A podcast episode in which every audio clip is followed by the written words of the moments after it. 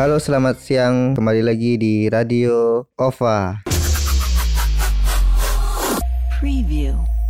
Nah, jam segini kalian pasti pada mager kan buat keluar rumah, mana di luar macet, panas, namanya juga ibu kota. Nah, ngomongin ibu kota, kita punya sebuah podcast nih tentang perpindahan ibu kota.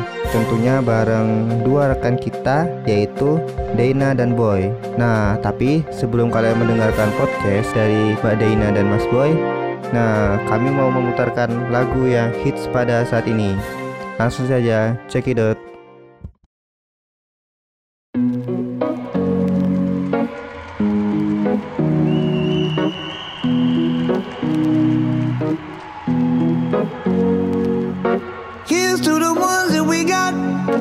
Cheers to the wish you were here, but you're not. Cause the drinks bring back all the memories of everything we've been through.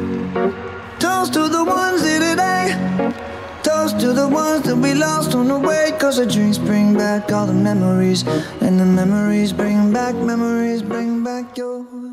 Bosen dapat informasi yang gitu-gitu aja Standar, gak guna, gak bermutu oh, Yang gak penting didengar gitu Emang yang ini bermutu, Pak? Enggak juga sih, Nang Bermutu itu bro Yang suka touring-touring gitu deh Itu mah bermotor, Pak. Preview. Hai, apa kabar pendengar Radio OVA? Pastinya sehat-sehat selalu ya. Kembali lagi bersama saya dengan Dana Dan Boy di sini. di Radio OVA yang akan membawakan berita mengenai rencana pemerintah yang akan memindahkan ibu kota baru. For your information, tata letak ibu kota baru akan disesuaikan dengan sila.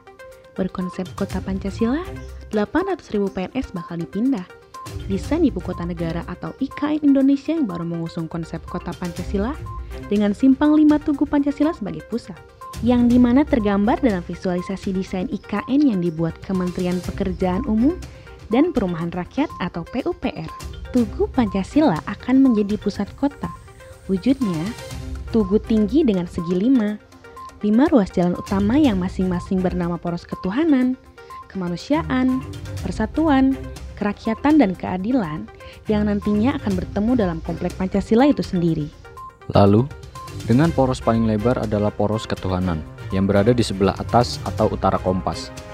Istana Kepresidenan nantinya akan berada di sebelah bawah atau selatan kompas, diapit oleh poros persatuan dan kerakyatan.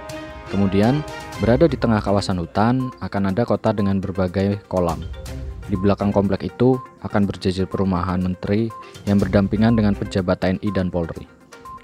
Kepala Biro Komunikasi Publik Kementerian PUPR, Endra Saleh Atmawijaya, mengungkapkan desain kota Pancasila disesuaikan dengan falsafah dan ideologi bangsa, yakni Pancasila. Tata letak kota di lima poros tersebut juga disesuaikan dengan setiap sila. Misalnya, poros kerakyatan, nanti di situ akan ada gedung DPR dan MPR, lalu poros ketuhanan akan ada masjid agung dan fasilitas ibadah lainnya. Dia menyatakan sebenarnya desain tersebut sama sekali jauh dari kata final. Desain itu dipakai Kepala Kementerian PUPR dalam rapat-rapat musyawarah tentang ibu kota. Ia menambahkan, desain itu sudah melalui kolaborasi para ahli arsitektur dan tata kota. Selain konsep tata kota dengan dasar Pancasila, IKN akan mengadopsi konsep compact city layaknya kota-kota besar seperti Manhattan dan Hong Kong.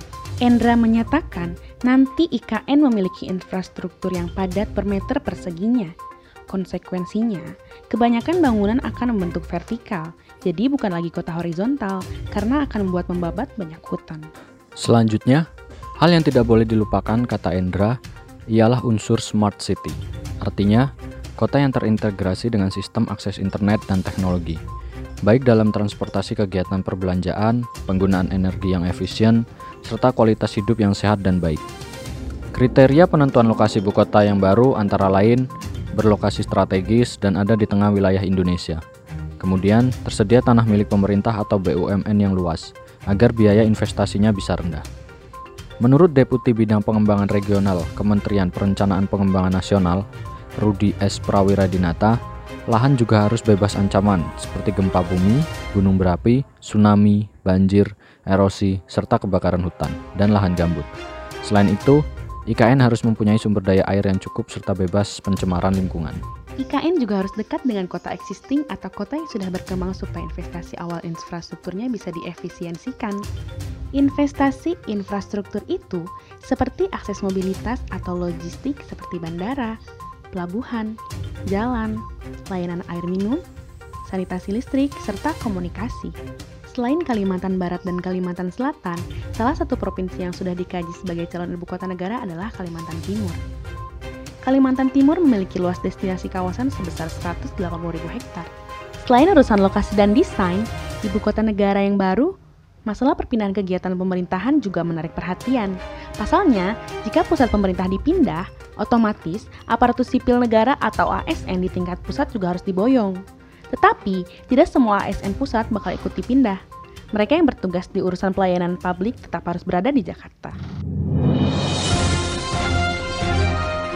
Nah, itu tadi info dari pembawa acara kita Mbak Daina dan Mas Boy. Oke, sampai ketemu lagi dengan podcast selanjutnya. See you.